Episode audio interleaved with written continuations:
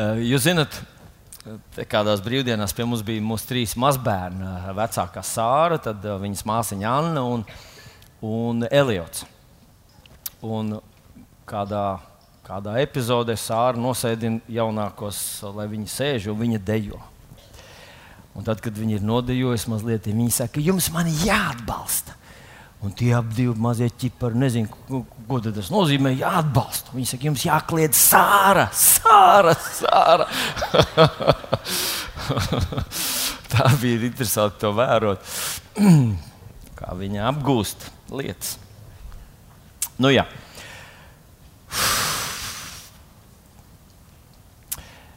Šodien man ir tāda nopietna uzruna, un tai virsrakstā es devu, viss ir pa īstam. Dažreiz īpaši mm, šajā laikmetā mēs pierodam pie lietām, kuras ir it kā virtuālas, kuras it kā notiek, un reizēm mēs zinām, ka nenotiek. Un nav nekas nopietnas, tas ir tikai iztēlē, tas ir tikai nu, kaut kur mūsu prātā, mūsu, kā saka, galvā. Bet uh, it kā reāli dzīvē tam nekādu seku nav. Tad, manuprāt, Bībeles tas lielais akcents ir, ka viss ir ļoti, ļoti pa īstam. Visam ir sekas, un nodevība ir nodevība. Uzticība ir uzticība. Drosme patiešām ir drosme. Paklausība ir paklausība, un nepaklausība Kā arī mēs to negribētu attaisnot kādreiz un ieteikt tādos smukos konfekšu papīriņos un izskaidrot, kāpēc nepaklausība ir nepaklausība. Nepaklausība ir nepaklausība. Un mūsu dzīvē ir kādreiz tādi īpaši brīži, kad mēs nu, varbūt mācāmies sajust un saprast, nu, kā tas ir kāda cita apziņā. Nu, un, ar to mēs sāksim. Bet, manuprāt, tāds ļoti spilgts piemērs ir tam, ka nu, jūs zināt, ka sievietes dzemdē. Sievietes dzemdē, viņas kļūst par māmiņām tādā veidā. Un, zināt, pats tas dzemdību nu, kulminācija, tad, kad sieviete atrodas tajā dzemdības sāpju tajā procesā, viņa gandrīz Nu, viņa pavisam ļoti tuvu ir pienākusi tām sajūtām, lai izprastu, kā jūtas vīrietis, kad viņš ir saaugstējies. Jo,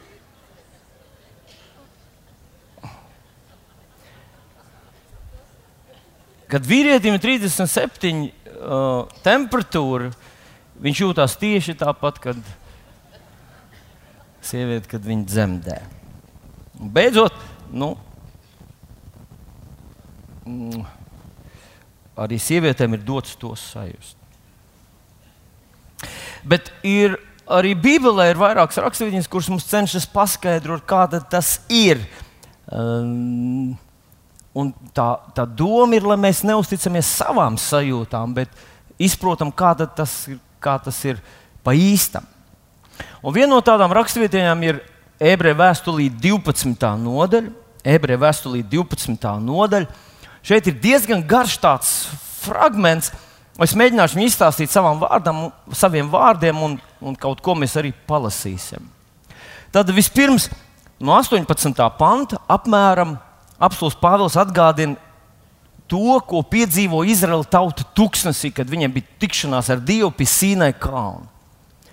Un vecā derība ir raksturojusi, viņa ir īpaša ar to, ka toreiz Dievs uzrunāja cilvēkus viņiem saprotamā, nu, tādā nu, gandrīz vai gribētos lietot tādu zinātniskā, sajūtamā veidā.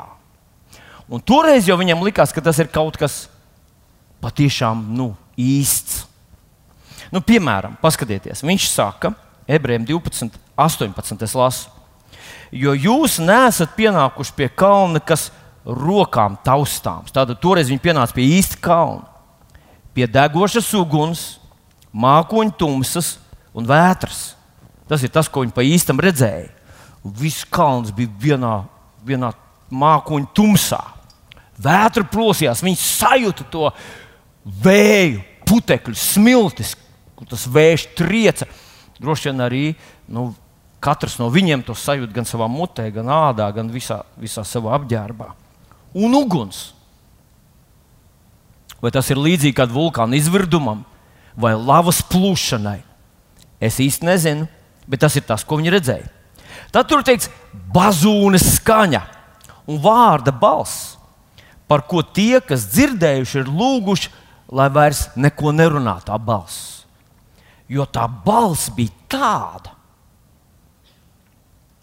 Tālāk Mūzes saka, ka viņš atrodoties tajā visā, viņš, kurš bija pieredzējis tikšanos un sarunas ar Dievu, viņš saka, es biju tā izbijies, ka es drebēju kā apšu lapa. Un viņi nevarēja panest to, kas bija pavēlēts. Ja arī kustonis pieskaras kalniem, tad tas akmeņiem jānomētā. Un tik briesmīgi bija parādība, ka Mozus teica, es esmu izbijies un drebu. Tātad nu, mēģināsim, mēģināsim tā lēnām iziet cauri. Vispirms vētra tuksnesī, pēc tam zemestrīce, pēc tam uguns kalnā un, un dūmi un mākoņu tumsa. Un pēc tam ir tāda bazūna, un pēc tam ir tāda balss, ka viņi saka, mēs negribam, lai uz mums vairs runā. Un tad ir pavēle. Neviens lai netuvojas kalnam, un, ja kāds pietuvojas, pat ja tas ir dzīvnieks, viņš ir akmeņiem, akmeņiem jānomētā.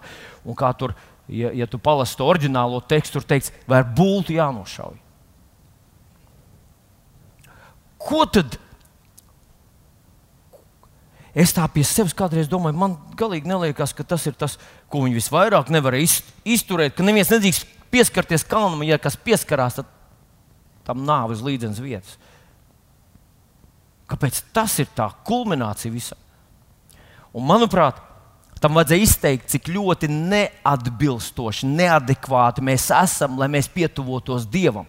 Cik ļoti samaitāti, grēcīgi un, un tālu no viņa mēs esam, ka mēs nedrīkstam tuvoties viņam, jo tad ar mums ir cauri. Tātad, toreiz, tajā laikā, tas bija burtiski nu, sataustāms, sagaršojams, tas bija izjūtams, ka tas ir pa īstam. Un tad tālāk viņš turpina, bet jūs neesat pienākuši pie šīm reālajām, fiziski sajūtamajām lietām. Viņš saka, jūs esat pienākuši, un es drusku aizskriešu priekšā notikumiem, pie lietām, kuras ir nenormāli īstākas, bet jums nesajūtamas. Jūs to nevarat sajust. Tas tā kā, ja tu uzdedzini sveci mājās, uzliec uz galda, uzliec roku, tu uzreiz sajūti, ka tā ir karsta. Bet tev ir mikroviņa krāsniņa, kur tu ieslēdz un tu skaties pa lodziņu. Tev neliekas, ka tur kaut kas īpašs notiek.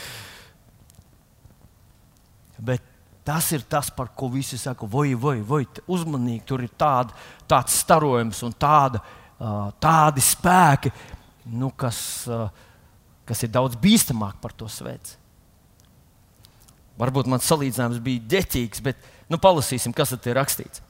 Jūs esat pietuvojušies Ciānas kalnam dzīvā Dieva pilsētai, debesu Jeruzalemē. Tās visas trīs nosaukumi apzīmē vienu un to pašu. Tā ir vieta, kur Dievs ir. Jūs esat pienākuši ne pie telts, ne pie kalna, pie vietas, kur Dievs ir. Tālāk viņš saka, esat pienākuši pie neskaitāmi eņģeļu pulkiem, svētku sapulcēs, debesīs pierakstīto pirmzimto draugai, Dievam visu tiesnesim, pilnībā sasniegušo taisno gariem, jaunās derības starpniekam Jēzum un izlietajām asinīm, kas spēcīgāk runā nekā abela asins. Un tad ir tas 25. pāns.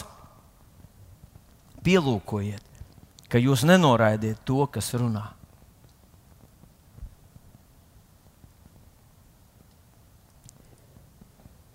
Mēs esam pienākuši pie Ciānas kalna. Vai tiešām tā ir Ciānas kalns?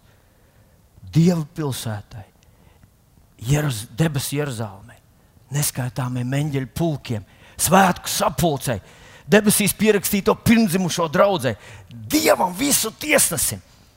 Jēzum, pilnībā sasniegušo taisno gariem, jaunās derības starpniekam, Jēzum, viņa asinīm, dārgajām asinīm. Un tad pielūkojiet, ka jūs nenoraidiet to, kas runā.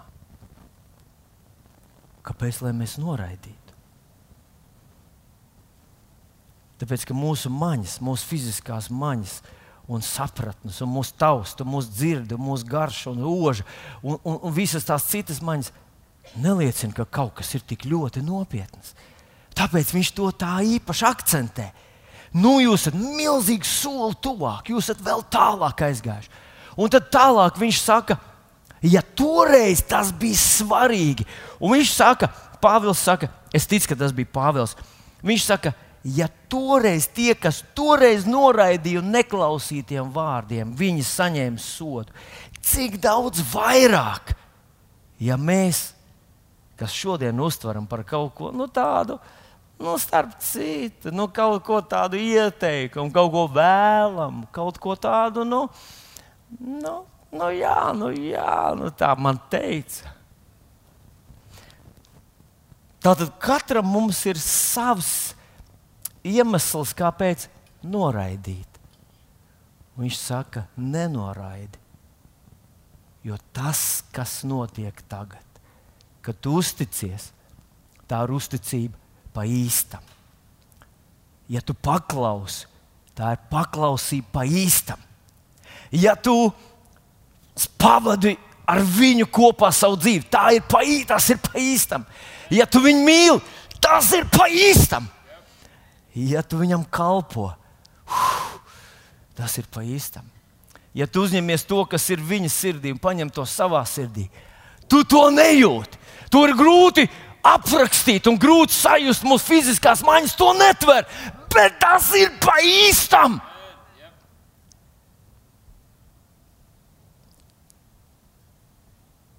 Bet tad, ja tu nepaklausi, tā nepaklausība ir pa īstam ja tu nodod, nodevība ir pa īstam. Ja tu aizliedz, tas ir pa īstam.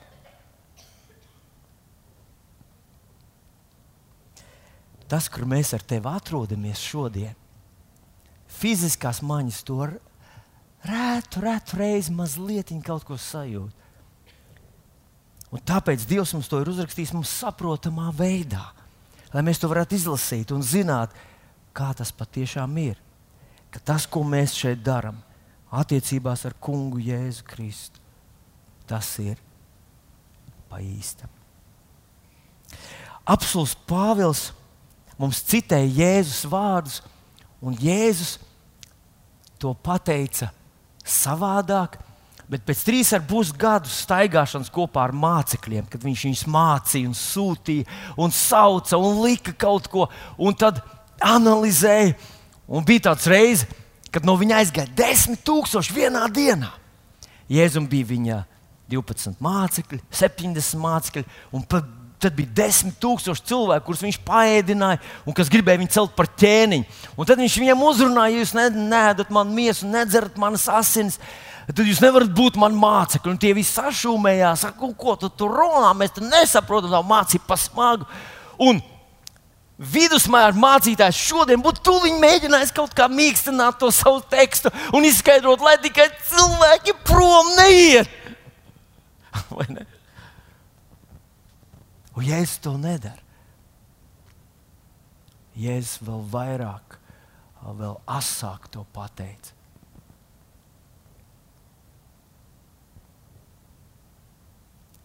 Tas ir pa īstam.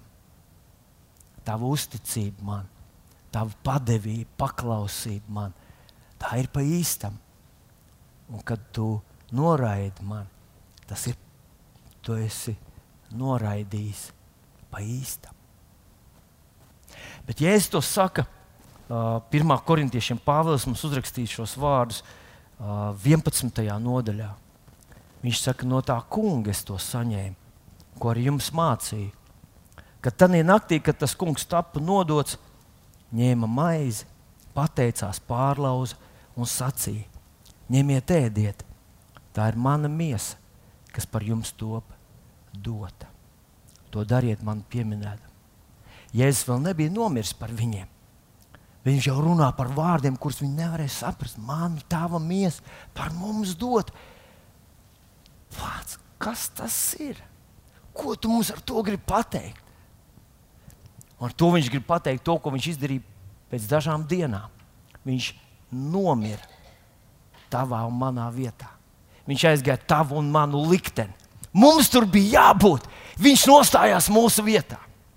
Un tad viņš sacīja, tāpat arī biķeri pēc vakarēdienas sacīja, šis biķers ir jaunā derība manās asinīs.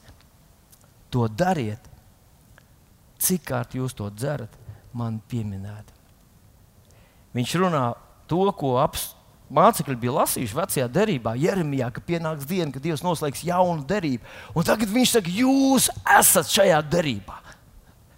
Nu, es nezinu, man liekas, neesmu labākais tāds salīdzinājuma devējs, bet manā prātā tur kādu stāstu, kur es dzirdēju ka jauns pāris ienāk uh, baznīcā un uzkāpj uz platformas, un, un viņi tiek salauzti. Viņi dodas uh, pa aili atpakaļ, un jaunais vīrs pagriežas pret līgavu un, un klusi čukst viņai. Zini, man galīgi nav nekādas sajūta, kā mēs būtu precējušies. Un tad tā viņa sieva saka, partneri, lūdzu, rēķinies ar faktiem. Mēs esam precējušies. Tu esi līgumā. Tev nav tāds sajūts, nu, tad tu esi sadarināts, tu esi derībā ar mani. Tu pateici savu jā, tev nebija sajūtas, bet tu esi zvērējis Dievu un cilvēku priekšā. Solījis, ka tu būsi ar mani, lai vai kas. Un tad Jēzus saka mācekļiem, jūs esat šajā derībā. Mēs neesam brīvklausītāji. Tas, ko mēs darām, nav fakultatīvi. Gribam, nākam, negribam, nenākam. Pēc, nu, pēc būtības nekas nemainās. Viņš saka, tas, kur jūs atrodaties, tas ir pa īstam. Un, manuprāt, mēs varam vērot apstulī Pāvilu, Pēteru, Jāni un visus tos, kurus mēs zinām, kur dzīves stāstus mēs zinām, un arī tos, kur mēs nezinām, mēs varam kaut ko mazliet pameklēt, kā viņi gāja. Viņi visi uztvēra Jēzus vārdus ļoti, ļoti nopietni. Ļoti nopietni. Tas nebija vienkārši savā brīvajā laikā, pēc darba, ārpus ģimenes dzīves. Es kaut ko tur vēl drusciņā, tur kaut ko daru labu. Nē, Viņi bija sapratuši, ka tas ir viņu dzīves centrs, tas ir viņu dzīves kodols. Tas ir viņa attiecības ar kungu Jēzu Kristu. Tā derība, ko viņi Jēzu ir noslēguši ar Dievu. To, kam viņi ir pateikuši jā, un kādas no tā visa ir konsekvences un secinājumi. Un tā raksturvietiņa, kuru gribu ar jums paskatīties, apstuļu darbos 16. nodaļa, apstuļu darbos 16. nodaļa. Un te ir 9. Eh, pantā rakstīts, ka Pāvils naktī redz parādību, un tajā parādībā uh, maķedonietis, kāds maķedonietis stāv un viņu uzrunā, lūgdams, nāc uz Maķedoniju un palīdzi mums. Pāvils redz parādību, un tajā parādībā maķedonietis viņu uzrunā un saka, nāc uz Maķedoniju un palīdzi mums. Un Pāvils saprot. Viņš aprunājas ar visiem brāļiem, kas viņam ir līdzi, un viņi vienprātīgi saprot, ka tas ir Dievs, kas viņus aicina uz Maķedoniju. Ka Dievs viņus aicina uz Maķedoniju. Halleluja! Dievs mūs aicina uz Maķedoniju. Tas kungs atver durvis Maķedonijā. Dieva plānā ir Maķedonija. Dievs grib mūs lietot Maķedonija. Kas, kas var būt vēl brīnišķīgāk? Tas ir tas, ko mēs visi gribam zināt, kur Dievs man sūta un ko Viņš grib ar maniem darīt. Un Pāvils dodas kopā ar saviem pavadoņiem, dodas uz Maķedoniju. Kad viņš nonāk Maķedonijā, mēs to lasām apstuļu darbu 16. nodaļā. 16. nodaļā ir aprakstīta jau tā kulminācija, par ko es gribu runāt. Izrādās, Maķedonijā viņu sagaida katastrofa. Tu padomā, Dievs uzrunā viņus parādībā, ka jādodas uz Maķedoniju. Viņi aiziet uz Maķedoniju, un tur atcerieties, viņi tur atrod vietu, kur uzrunā cilvēks, un tur atsaucās Lidija un tā tālāk. Viņi sāk, tur, uh, sāk to savu ierasto kalpošanas darbu, un tad tur ir verdzene, kas staigā viņam no muguras un sauc, tie ir tā kunga kalpi, viņiem sludina pestīšanas ceļu vairākas dienas, viņi staigā viņam pakaļ. Pāvils vienu dienu apgriezies un dusmīgi sāk izdzert to dēmonu ārā no tās. No tās nu, viņš būtu pēc būtības atbrīvo cilvēku no demonu varas, un tad sākās. Es nezinu, vai tu esi par to domājis, ka kamēr tu vienkārši tā runā vārdus un tā tālāk, tā ir viena lieta, bet tikko tu uzdrošinies pielietot tās pilnvaras un to autoritāti, ko Dievs tev ir devis, tad izrādās, ka nemaz viss tik miermīlīgi nav. Izrādās, ka Dievs, eh, piedodiet, ka Vēlns nav izkarnājis balto karogu, tikko tu pieņēmi jēzu par savu kungu un paziņoji, ka dosies uz Maķedoniju piepildīt Dieva gribu. Viņš cīnīsies pret tevi. Un te 16. nodaļā, apstuļu darbu 16. nodaļā, 22. pantā es lasu tādus vārdus, tātad, kas ir katastrofa. Ļaužu pulks pret viņiem saceļās pilsētas pārvaldnieki tiem noplēš drēbes. Es domāju, ka mūsdienu kristietim šeit jau būtu bijusi kulminācija. Viss. Viss. Nu, ir pēdējais mirklis un pēdējā sekunde, kad dievam iejaukties. Pareizi? Dievs mūs sūtīja uz Maķedoniju. Mēs atnācām uz Maķedoniju. Mēs neko sautīgi tur nedarījām. Mēs gribējām sludināt evaņģēlīju. Un viss pulks pret mums sacēlās. Un pilsētas pārvaldnieki mums noplēsa drēbes. Tagad jāatskan pērkona grāvieniem, debesis atvērsies vaļā pāris Mihaila. Nu, Pāris eņģeļi Mihaila nāks mums aizstāvēt, vai ne? Jo mēs taču pareizi. Bet ar to vēl viss nebeidzās, ka noplēs drēbes, pavēlēt to šaust rīkstēm. Sakiet, lūdzu, kurš kādreiz bērnībā dabūjis ar bērnu žagariem pa uh, vissvarīgāko uh, vietu? Jā, lielākā daļa ir dabūjuši. Nu, uh, es ticu, ka tas jums nāca par labu. Es ticu, paskatieties tiem, kam, kas nav dabūjuši. jā, jā. Jā, jā, pat Bībelē var atrast vietu, kad, ja tu saudzē žagariņu, tad tu nemīli savu bērnu. Žagariņu vajag pielietot ik pa laikam. Bet viņi tika pērta ar rīkstēm. Kurš ir kaut reiz dabūjis rīksti riktīgi? Ugh, es redzu vismaz vienu roku. Es redzēju, à, divas rokas. Nu, mums būtu jā, jā, jāsāk runāt, kas tā rīks tāda ir. Bet, nu, labi, atstāsim to citai reizei. Paklausieties, 23. pants saka, pēc daudz sitieniem.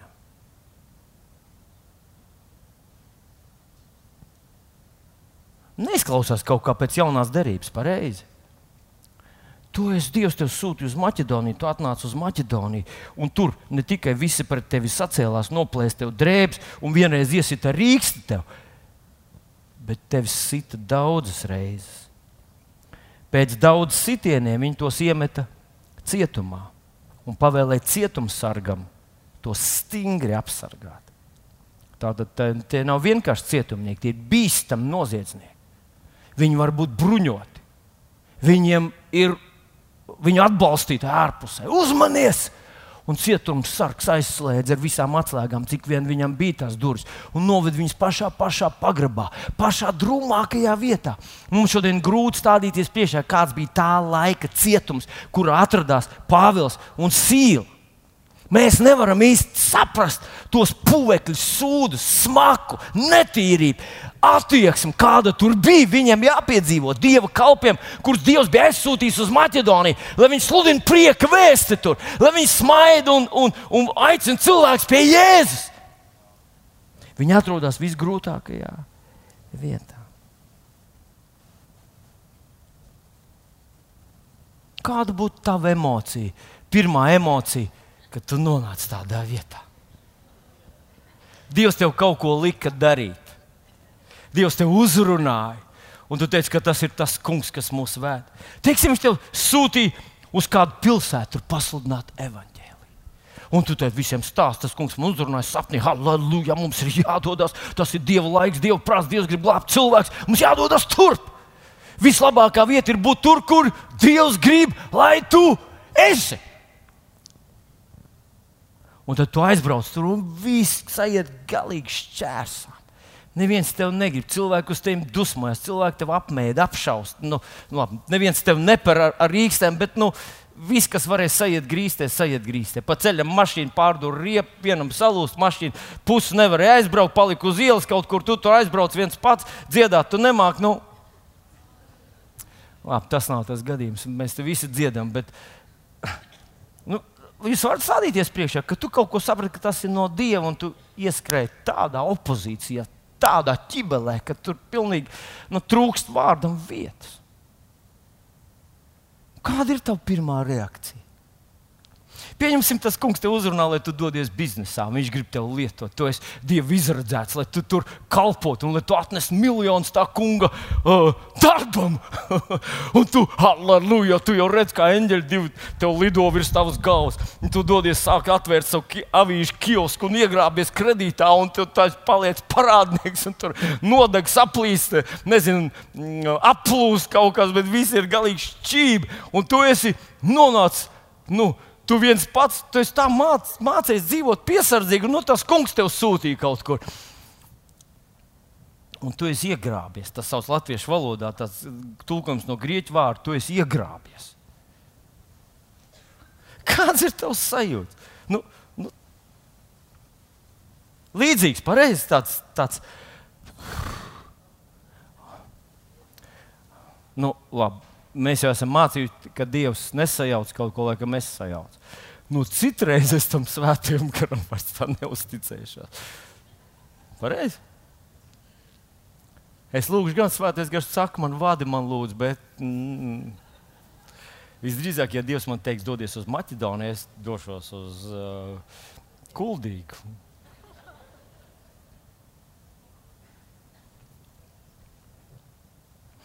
Un Ziniet, ko mēs varam mācīties? Tas eh, ļoti interesanti arī Mateja Evanģelē 14. nodaļā, kad Jēzus sūta savus mācekļus pāri, pāri ezeram. Tur vajadzēja divas stundas airēt, viņi būtu tajā pusē.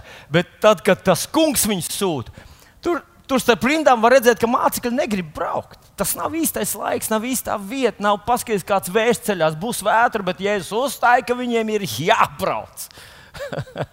Un viņi tad paklaus Jēzum un brauc. Un 8, 9 stundas viņi strādā tik smagi, kā viņi nekad savā dzīvē uz ezera nav strādājuši.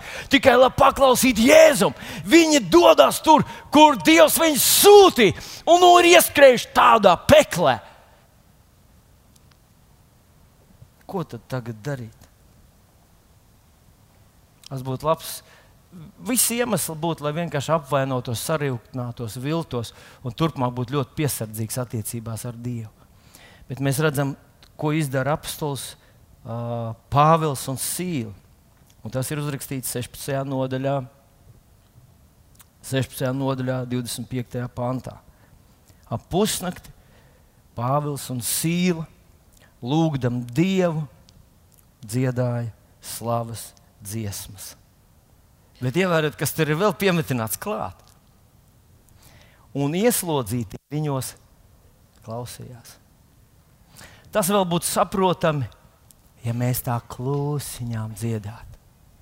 Mēs esam cietuma visdrūmākajā vietā. Mēs esam visbriesmīgākie noziedznieki. Mums nav nekāda blata, nekādas aizmugures. Mēs esam visnožēlojamākie šajā cietumā. Un mēs tā klusi viens otram iebakstītu. Nu, iebakstīt mēs nevaram, jo mūsu kājas un rokas ir siekstā. Mēs varam tā ar skatieniem pār, tā, tā klusiņā. Halleluja!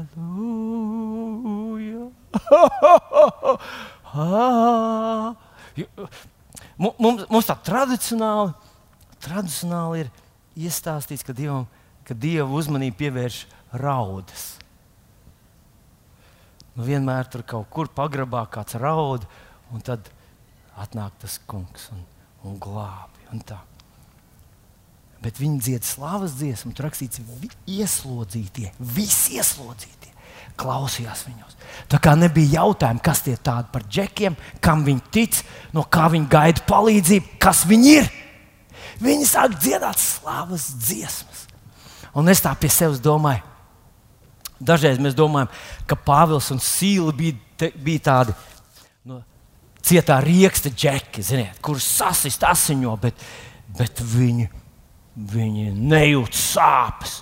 Viņi vienkārši iet. Vai Rikijs, uh, Rokijs Balbo, atcerieties, bija tāds. Tur bija, bija kaut kādas dažas no tām ainām, kur viņš ir sasprāstis. Tur viss acis nevar redzēt.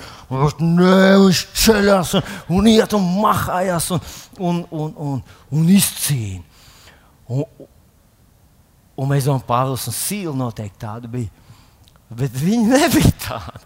Viņi bija tādi tā kā tu un es. nu, un tā kā tad, kad mums, es atceros, tas bija diezgan daudz gadu atpakaļ. Vienu nakti man sāka sāpēt auss. Un kad man auss sāpēja, ak, Dievs! Man bija tāds sajūta, ka tajā ausī kāds ir iekšā. Nu, kaut kas tur kustās un, un grauž manas smadzenes. Un, un es domāju, viss ir. Laikam viss pusgalva ir strutās, viss ir tur nu, nu, cauri. Es esmu beigts. Un tad es atceros, no rīta aizgāju pie pirmā dežūra ārsta, apsēdos un teicu, doktor, pff, nu, Un, un es jau tā nosēdos tā kā upuris, ziniet, ka tu viņu pavadi, tev ātri uz slimnīcu, viss tur intensīvā terapijā.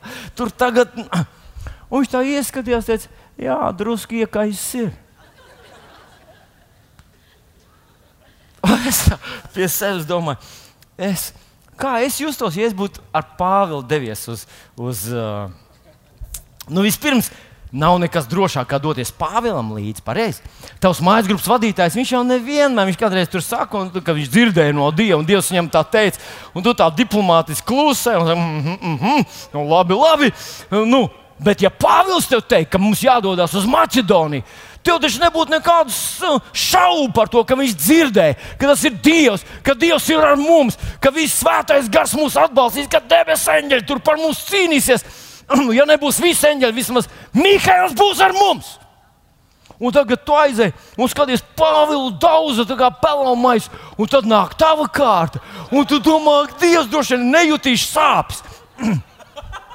tā mums kādreiz ir tāds sajūta, ka, ja tā kunga dēļ, tad tu nejūti sāpes. Bet atceries, ka par tevi smējās skolā par tavu ticību. Kā bija? Nejūti? Nemaz nejūti. Es atceros, es nesaukšu vārdā, bet viens no mūsu jauniešiem bija gājis līdz evaņģēlistiem, un tu tur vakarā pa, pa tirgus laukumu. Un tad aizgāja ar vienu no mūsu evaņģēlistiem un pienāca klāt, un tas mūsu evaņģēlists, ziniet, tā kā tāds kreisers auroru vienkārši redz jauniešu un dodas klāt, nepajautāja, vai nu, pie šitiem ejam vai nē. Un tas mūsu jaunietis pienāk, un tie ir viņa klases biedri. Un tagad tas mūsu evanģēlis tur rīktīgi, nu, močī, ja? nu, kā vajag, tur ras, ras. Un tie klases biedri šitādām barankām skatās uz to evanģēlistu un skatās uz savu klases biedru, kas tur stāv viņam blakus. Un tas tikai močī evanģēlists. Kā jūs domājat, viņi neko nejūt un neko neatcerās, un viņi neko nesaprata? Visu saprata! Un viņiem bija tik daudz iemeslu sarunām pēc tam. Klasē bija gada tēma. Mūsu uh, klases biedrs atrodas tādā vietā. Tieši tāpat mēs ar tevi būtu jutušies, ka mēs Pāvēlam blakus viņu strostē, un kad pienāk tava kārta, tad džing, džing, džing, džing. Un tad tur tīries jau Dievs. Jau.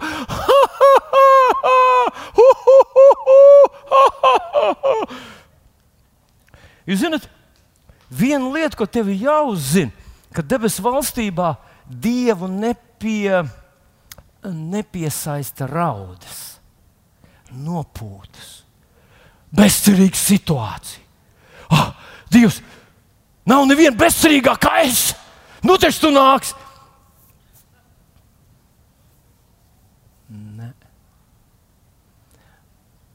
Tas vienkārši mums jārēķinās debesu valstībā. Tā ir. Jo, ja tā nebūtu, paskatieties, tad tās valsts, kuras atrodas visgrūtākā situācijā, teiksim, ekonomiski, teiksim, kaut kādā citā baigā nabadzībā, tad Dievam vajadzēja gādāt, lai nākamajā gadā viņu ekonomika uzreiz aiziet gaisā. Un Dievs, ja Dievs atbildētu uz izmisumu, uz sāpēm, uz, uz vajadzību, tad pasaule nebūtu tāda, kāda viņa ir šobrīd. Mums vienkārši Dievs mīl. Dievs deva risinājumu Jēzu Kristu, bet to paņemt no viņa galda šodien tas ir uz mūsu atbildību. Tava dzīve un tavas dzīves uzvara, un tas, vai tu paliksi tajā cietumā, un es domāju, simtiem kristiešu ir palikuši tajā cietumā, raudot un šņukstot un pārdomājot, vai mums vajadzēja to darīt. Laikam tas nav es, laikam es kaut ko nesaprotu, laikam tas man nav dots, laikam man neizdosies. Kaut kas, kaut kas es esmu vīlies Dievā. Cik ir kristieši, kas pabijuši tajā Pāvila cietumā, ir vīlušies savā kalpošanā, savā draudzē, savā mājas grupas vadīšanā, savā aicinājumā. Vīlušies tāpēc, ka tad, kad viņi raudāja viskaļāk, Dievs neatnāca.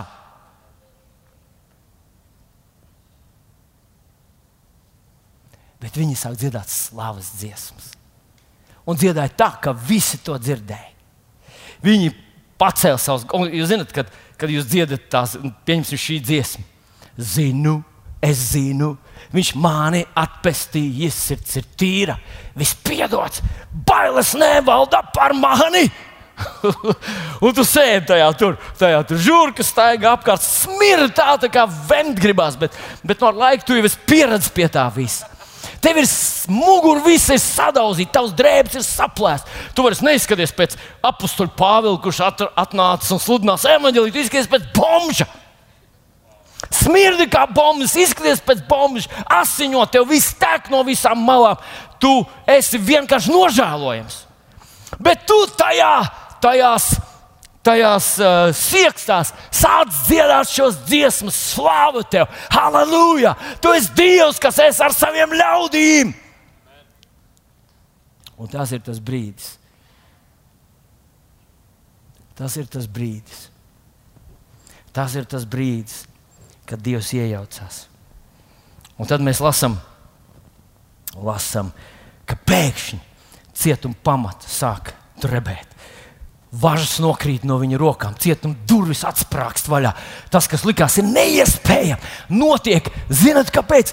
Tāpēc, ka divi cilvēki, atrodoties savas kalpošanas zemākajā punktā, uzticējās Dievam vairāk nekā to darīja vidusmēra cilvēki. Tā vietā, lai viņi pagrieztos atpakaļ, un mukt, un bēgt, un nožēlot, un jūs sev līdzi, un jūs tos nemīlētu un atraidīt. Jūs tos, ka viņa lūgšanas un cerības nav atbildēts, ka Dievs nav bijis uzticams. Viņi slavēja Dievu par viņu uzticību, par to, ka Viņš ir dāvinājis viņiem uzvaru, ka Dievs ir viņu pusē, un tas nozīmē, ka viņi ir uzvarētāji. Viņi kļuva par vārtiem, pa kuriem atnāca tas kungs un izglāba savus cilvēkus un viņi no zemākās vietas pacēlās uz augšu. Viņi nonāca cietumsargu mājās. Tur viņus apkopā, saģērba, salāpījis, izgludināja viņu drēbes, ja bija, iedeva viņiem jaunas drēbes. Cietumsargs nezināja, kā vēl izpatikt viņiem. Tad viss cietumsarga nams pieņēma jēzu par savu kungu. un pēc tam uh, viņi tika rehabilitēti un ar, ar bijību izlaist no, savas, no, no tās Maķedonijas, no, no cietuma un no pilsētas. Un Jūs zināt, kad es lasu šo, te, šo gadījumu, man nāk prātā psalms, tas ir 24. psalms, 7. pāns, kur ir rakstīts, paklausieties kādu vārdu. 24. psalms, 7. pāns. Jūs vārti paceliet savas palodas un topiet augstākas jūs mūžīgās durvis, lai godības ķēniņš var ienākt. Un es jau uzliku uz, uz ekrāna tā, kā tas ir karaļa jēga vai King James tulkojumā, man uzmanību piesaistīja, kad es lasu tajā angļu tulkojumā, tur rakstīts, vārti paceliet savas galvas un topiet augstākas. Kādas durvis? Mūžīgās durvis. Un es pie sevis domāju, mūžīgās durvis Neizklausās, ka kāds no cilvēkiem šīs durvis būtu izveidojis. Mūžīgās durvis izklausās, ka Dievs ir izveidojis tās mūžīgās durvis. Un Dievs izveidojis mūžīgas durvis.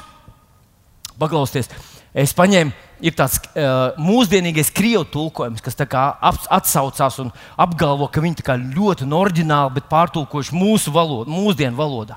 Un tur ir iztulkots burtiski tā. Jūs vārdu pats liekat savas palodas un tā tālāk, topiet augstākas mūžīgās durvis. Un tad apakšā ir paskaidrojums, ka burtiski būtu jātulko jūs vārdu pats liekat savas galvas un celieties jūs mūžīgās durvis. Be, un tā doma ir tāda, ka tas, kurš tagad nāks pa tām durvīm, tas ir garāks nekā tie, kas viņš šim visu laiku staigā.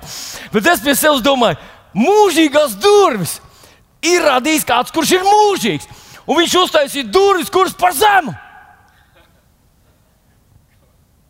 Vai tas ir iespējams? Daina, kā tu domā, tas ir iespējams?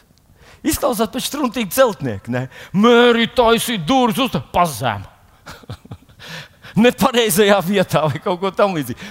Bet, un, un tad es, es liku kopā vairākas tādas domas. Nu, tā tad, ja jau oriģinālā ir teikts, ka vārdi paceliet savas galvas, man tas ļoti atsaucās ar, ar, eh, nu, ar to. Un mūžīgās durvis, celieties, mūžīgās durvis. Tas man atsaucās ar JSS 60. Celieties un topiet apgaismot. Un paceliet galvas jūs vārdi. Un, mīļie draugi, es, es saskatīju apakstu Pāvilu un Sīlu kā cilvēkus, kas atvēra vārdus, pa kuriem varēja ienākt. Un paklausies, kā tur rakstīts. Kas, kas tad nāk pa šiem vārtiem? Tas kungs, godības ķēniņš, Kas ir šis godības ķēniņš? Tas kungs stiprs un spēcīgs. Tas kungs stiprs un spēcīgs. Tas kungs varens cīņā. Citiem vārdiem, tad, kad tajā grūtajā situācijā, tā vietā, lai sev justu līdzi un sarīkot tāds neliels, nu, neliels sevis žēlošanas svētkus. Pat cik tev ir grūti, un tu jau visu dzīvi centies.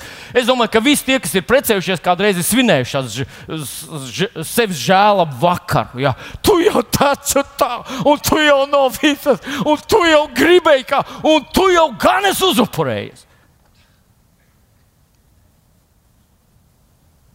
Es ar bailēm skatos, jums tiešām jums nekad tā nav bijis. Man vismaz pāris reizes tā ir bijis. Es tā no visas sirds. Un tev pašam sevi sametās žēl. Bet, zinot, uh, Dievs neiejauksies tādā situācijā. Tu vari turpināt svinēt. Tu vari turpināt svinēt, cik tev ir grūti, kāds ir nabadzīgs, un kā visiem citiem ir vieglāk, bet tev vienam nu, iet šitā. Turpini to darīt. Tev tu tur tā arī paliks. Viens pats svinēs. Bet, ja tu gribi, lai, kung, lai tas kungs ienāk tavā situācijā, tad tev jāpaceļ tie vārti augstāk. Tā galva jāpaceļ augstāk. Nekas tā nepiesaista Dievu kā pacelta galva. Ne jau lepnumā, ne jau es, es izturēšu, es varu, es, es, es, es, es esmu. Bet pateicībā un slavā un cerībā uz to kungu. Tu saki, halleluja! Es zinu, Dievs, es tev paklausīju, uz tavu vārdu es to darīju. Es ticu tev! Vārti paceliet savus palodus. Kas atnāks? Vārds paceliet savus galvas. Kas atnāks? Tas kungs varens cīņā. Halleluja! Un tad paklausieties! Vispirms mēs lasām Mateja 16. nodaļā, kur Jēzus saka, es celšu savu draugu pretī Ēlas Kam? Vārtiem. Ko, ka, nu kas ir tie Ēlas vārti? Kas ir Ēlas vārti? Kas? Kas? Vai, vai, vai tā ir tehnoloģija? Vai tā ir kā tehnoloģija? Tās pašas tehnoloģijas, kas tiek izmantotas ļaunumam, mēs izmantojam labām lietām, vai ne? Vai, vai, vai tās ir kaut, kāds, nu, kaut kāda tehnika? Un kaut kādas dārgas mašīnas, kaut kāds meibaks, kaut, kā tur, kaut kāda ļoti drūma, dārgas mašīnas. Tas ir tas, kur vēlams tur. Jā? Jā? Nē! Mums visiem patīk labas mašīnas.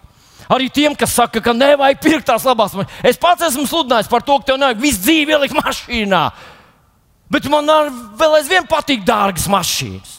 Viņš ir daudz labāk uztaisīts, daudz labāk ekipēts, viņš ir daudz labāk vadīts un tā tālāk, daudz tālāk ar viņiem var aizbraukt. Nu, viņas ir labi uztaisīts. Tas nav vēlna vārds. Kas ir vēlna vārds?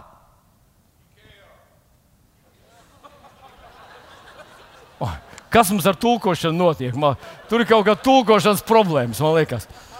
Paklausieties! Vēlna vārdi ir cilvēki, caur kuriem vēlns var darīt savas lietas. Un Dievs vēlna cilvēkiem pretī liek ko tad? Ko tad? Savus ko?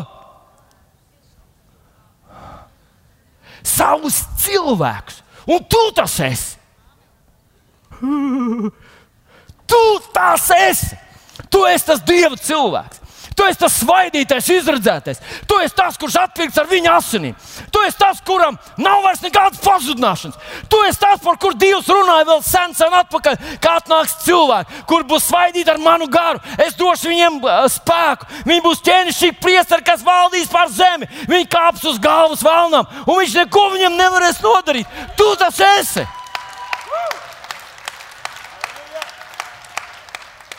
Tagad, tad, kad mēs lasām, viņš cels savu draugu pretī Ēlas vārtiem, es lasu, tur, ka viņš cels savus vārdus pretī Ēlas vārtiem.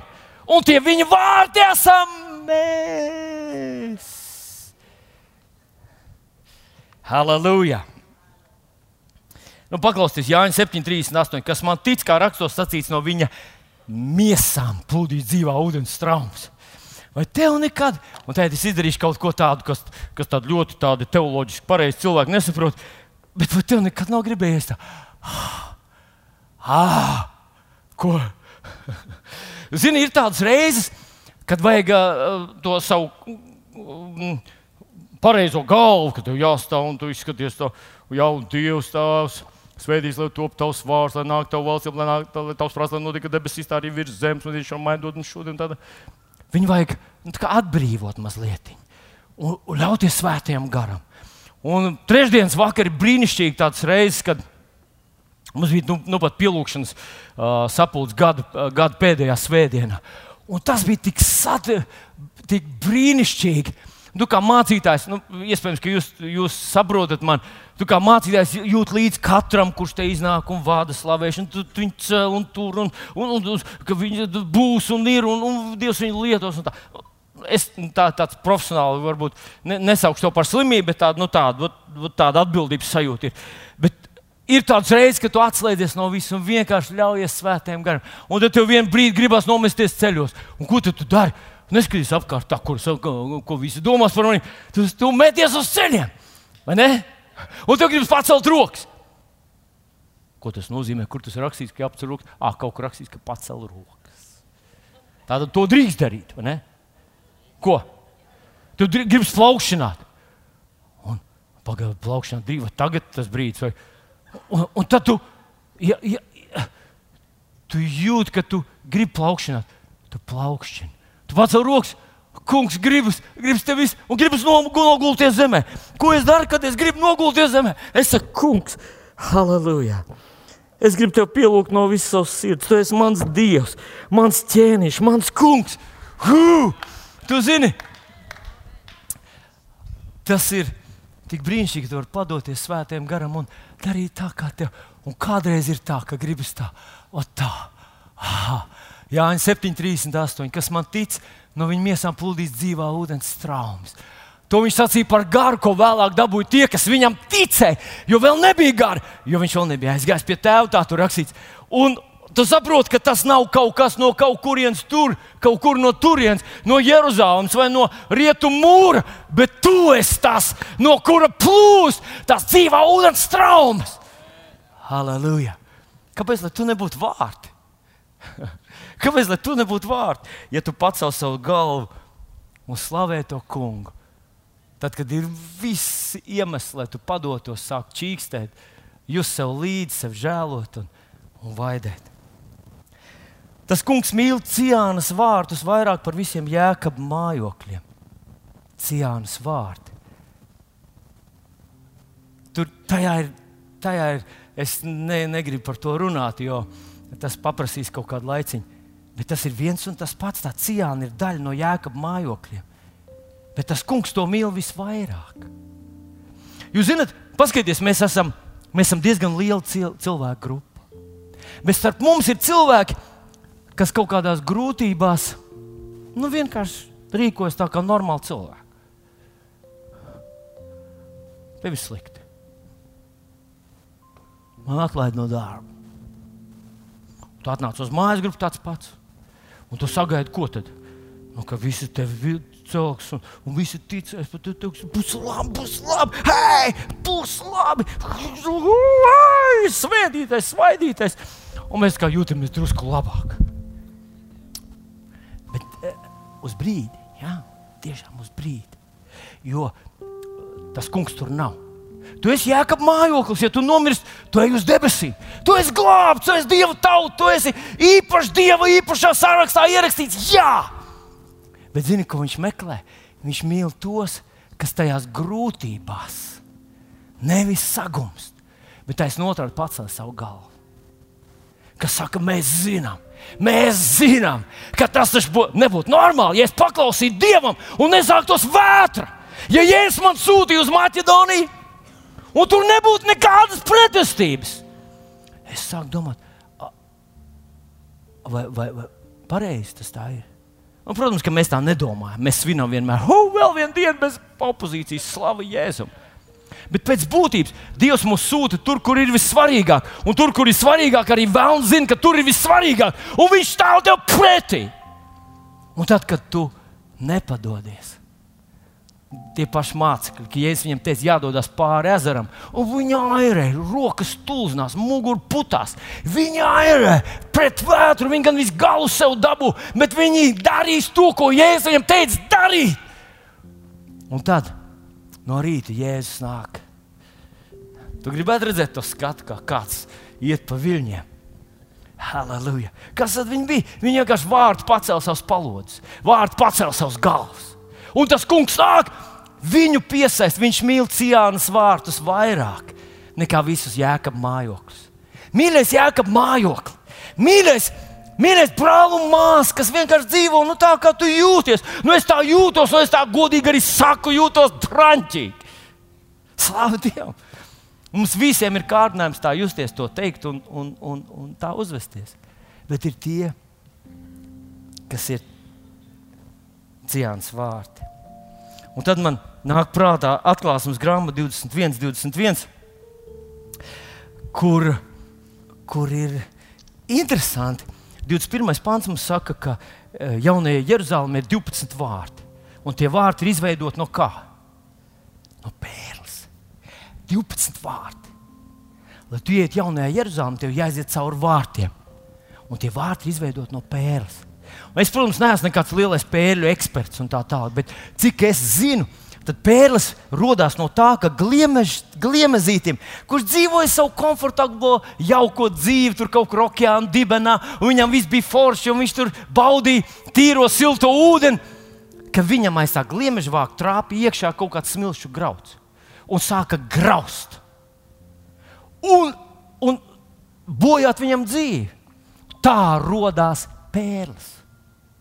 Un es saprotu, ka vārti, pa kuriem tas kungs nāk, viņi rodas tad, kad tu tajā situācijā, kad tev, kad tev traucē dzīvot, tev traucē būt tam, par ko Dievs gribēja, lai tu esi, kad tev traucē paklausīt Dievam, ka tu vienalga nepadevies, ka tu vienalga slavēji un pacēli uh, savu galvu. Un devu Dievam godu par to, ka Viņš ir labs, uzticams, ka Viņš izvedīs tev cauri, ka Viņš ir Tava atbilde, un tev ir jau atbilde. Tā radās vārti, vārti uz jauno Jeruzalemi. Šis 19. gads mums stāv priekšā nopietnas gads. Un uh, uh, mums ir jāizdara kaut kādas pareizas izvēles. No dienas reiz dzirdēju, kāds vīrs teica, es izlēmu šogad neko nemainīt. Teica, un pagaidām izdodas. Dzīvošu tieši tāpat kā iepriekš. Beidzot, man kaut kas izdodas no tiem maniem uh, solījumiem. Bet es iedomājos, varbūt kādu Dievs uzrunāja, ka viņam vajadzētu šogad iet Bībeles skolā. Un tu gaidīji, ka viss sakārtojas, lai apstākļi nokārtojas, un lai, nu, lai, lai tās durvis uz Maķedoniju atverās, un viss tāds ceļa vējš, tevi dzēna, un, un, un darbā viss nokārtojās, un visur viss ir ok. Bet tā nenotika. Un tad tu teici, nu, laikam nav dievu griba. Kā var savādāk zināt, ka tā ir dievu griba? Vienkārši, ka ceļi pavērās, vai ne? Viss pašķirās, viss nokārtojas. Bet tā nenotika. Bet Dievs ierunāja tavā sirdī, ka šis ir tavs gads, iesākt ar Bībeles skolu. Tas ir, tā ir īstenībā tāda baigā dāvana, piedodiet par tādu vārdu, baigā. Bet tas uh, trijos mēnešos, divas vakaras nedēļās, tu izies galvenajām, galvenajām uh, kristiešu dzīves tādām mm, sadaļām. Paklausieties, vispirms mums ir tādas grupas, tās, tās uh, sadaļas. Kas ir Dievs? Mēs runājam, sāksim ar to. Tās būs četras nodarbības vai divi vakar. Kas ir Dievs? Pēc tam, kas ir cilvēks? Tad mēs runāsim, kas tad ietilps glābšanas paketē, kas ir noticis, kad tu pieņem jēzu par savu kungu. Ko tad tu esi ieguvis? Ziniet, kādreiz cilvēkam paiet kāds laiks, un, un, un, un viņi aizmirst. Viņi atcerās kaut kādu vienu vai divas lietas. Pēc tam mēs runāsim par mūsu iespējām Kas tad ir tas, kas mums ir dots Kristū, pateicoties mūsu glābšanai? Ko mēs varam? Tad mēs runāsim par dzīves jēgu. Ziniet, man tā kā ir druskuļi, mēs ar Līgu pārunājam, ka ir druskuļi tāds vainas sajūta, ka mums nereiz nebija iespēja tā dzīvajā jūs uzrunāt par to Bībeles skolu. Bet mēs to tiešām turam šo Bībeles skolu ne tāpēc, ka mums nav ko darīt divas vakaras nedēļā un ka mums vajag regulāri atjaunoties visās tēmās, bet tāpēc, ka tas var nenormāli tevi svētīt. No, Patiesi, normāli tevi svētīt. Tas var normāli tevi svētīt, lai tu vairs nebūtu normāls. Normāls šodien ir būt tādam um, vidusmēra kristietim, kurš cer, ka būs labāk, bet gan jau ka būs tāpat kā iepriekš.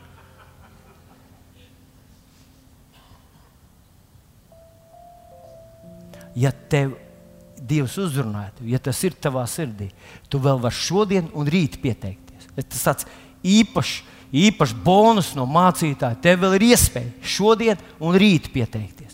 Un tad gan ir viss. Un tajos ziņojumos mums bija, ka Bībeles skola sākās pirmdien, bet nav, tā nav šī pirmdiena, bet nākamā pirmdiena. Tad pēc nedēļas tā pirmdiena, pēc nākamās svētdienas. Bet, ja tas ir tavā sirdī, ja Dievs te uzrunāja, ka tev to vajadzētu, tu vari to izdarīt.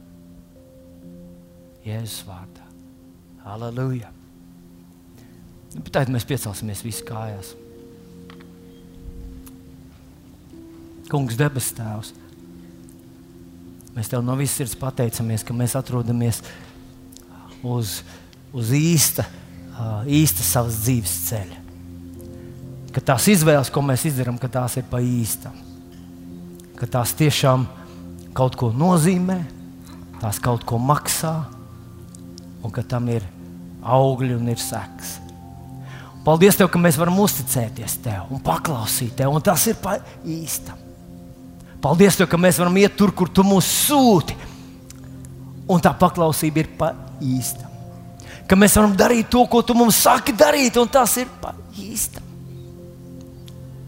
Mēs pateicamies, Kungs, ka mēs varam izturēt arī grūtībās ka mēs varam grūtībās nepadoties, ka mēs varam nesalūst, ka mēs varam tevis dēļ arī atbildēt tev ar mīlestību, jo tu teici, ka nevienam nav lielākas mīlestības, ka šī ir kāds savu dzīvību nodot par saviem draugiem. Un tu esi mūsu draugs. Mūsu mīlestība ir pa īstam. Paldies, Tev, Tēvs! No visas sirds šajā gada pirmajā svētdienā. Mēs gribam atbildēt ar pa īstam. Mēs esam mācekļi pa īstam. Mēs ticam tev pa īstam. Mēs uzticamies tev pa īstam. Mēs paklausām tev pa īstam. Mēs kalpojam tev pa īstam. Mēs ļoti vērtējam to, ka tu devi savu dzīvību par mums. Un mēs pa īstam atdodam savas dzīves tev, saucot tevi par savu kungu. Paldies, Tev, debes Tēvs! Paldies, Tev, Kungs! Paldies, Tev, ķēniņ! Paldies, Tev, ķēniņ! Paldies, Tev, ķēniņ! Paldies, Tev, ķēniņ! Halleluja! Halleluja! Mūsu slavētāji mums uh, vadīs tajā dziesmā, kas ir tieši par to uzrakstīta no šīs psalmas 147. Jūs vārdi paceliet savus palodzes. Un tu vari dziedāt līdzi. Tu vari izlemt, kas tev jādara, lai tu paceltu savu galvu, lai tu kļūtu par vārtiem, pa kuriem atnāk tas kungs, cīnītājs un uh, varonis, un tas kungs pilns savas godības. Halleluja! Paldies! Tev.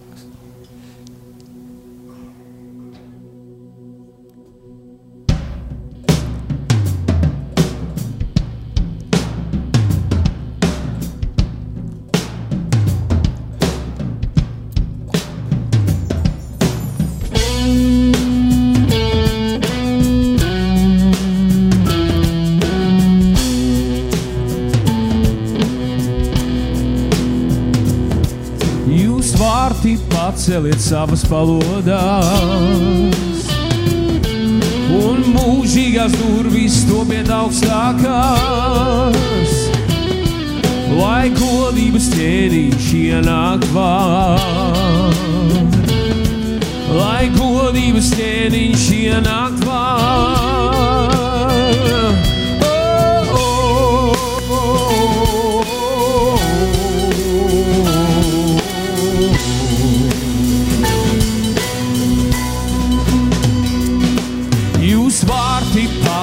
Savas palodās. Un mūžīgās durvis topiet augstākās. Lai godības cienīš ienāk vārds. Lai godības cienīš ienāk vārds. Kas ir šis ķēniņš? Šīs godības kungs. Viņš kungu kungs, sauc cieniņām, viņš augšām cēlās no mirušiem. Tagad dod viņš brīvību saistītiem. Ar asinīm guvā viņš uzvaru.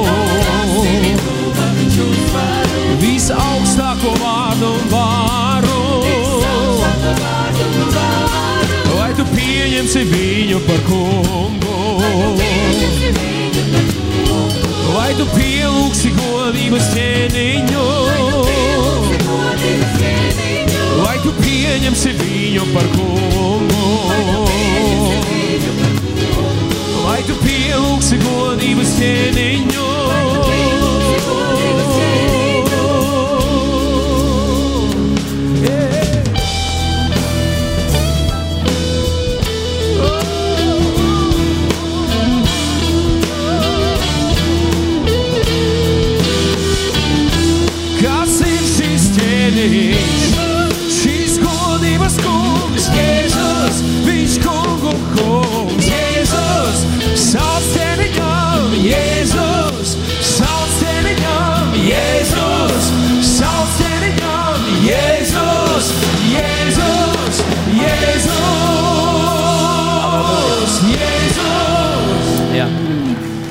Aleluja! Paldies, Tev, debes Tēvs!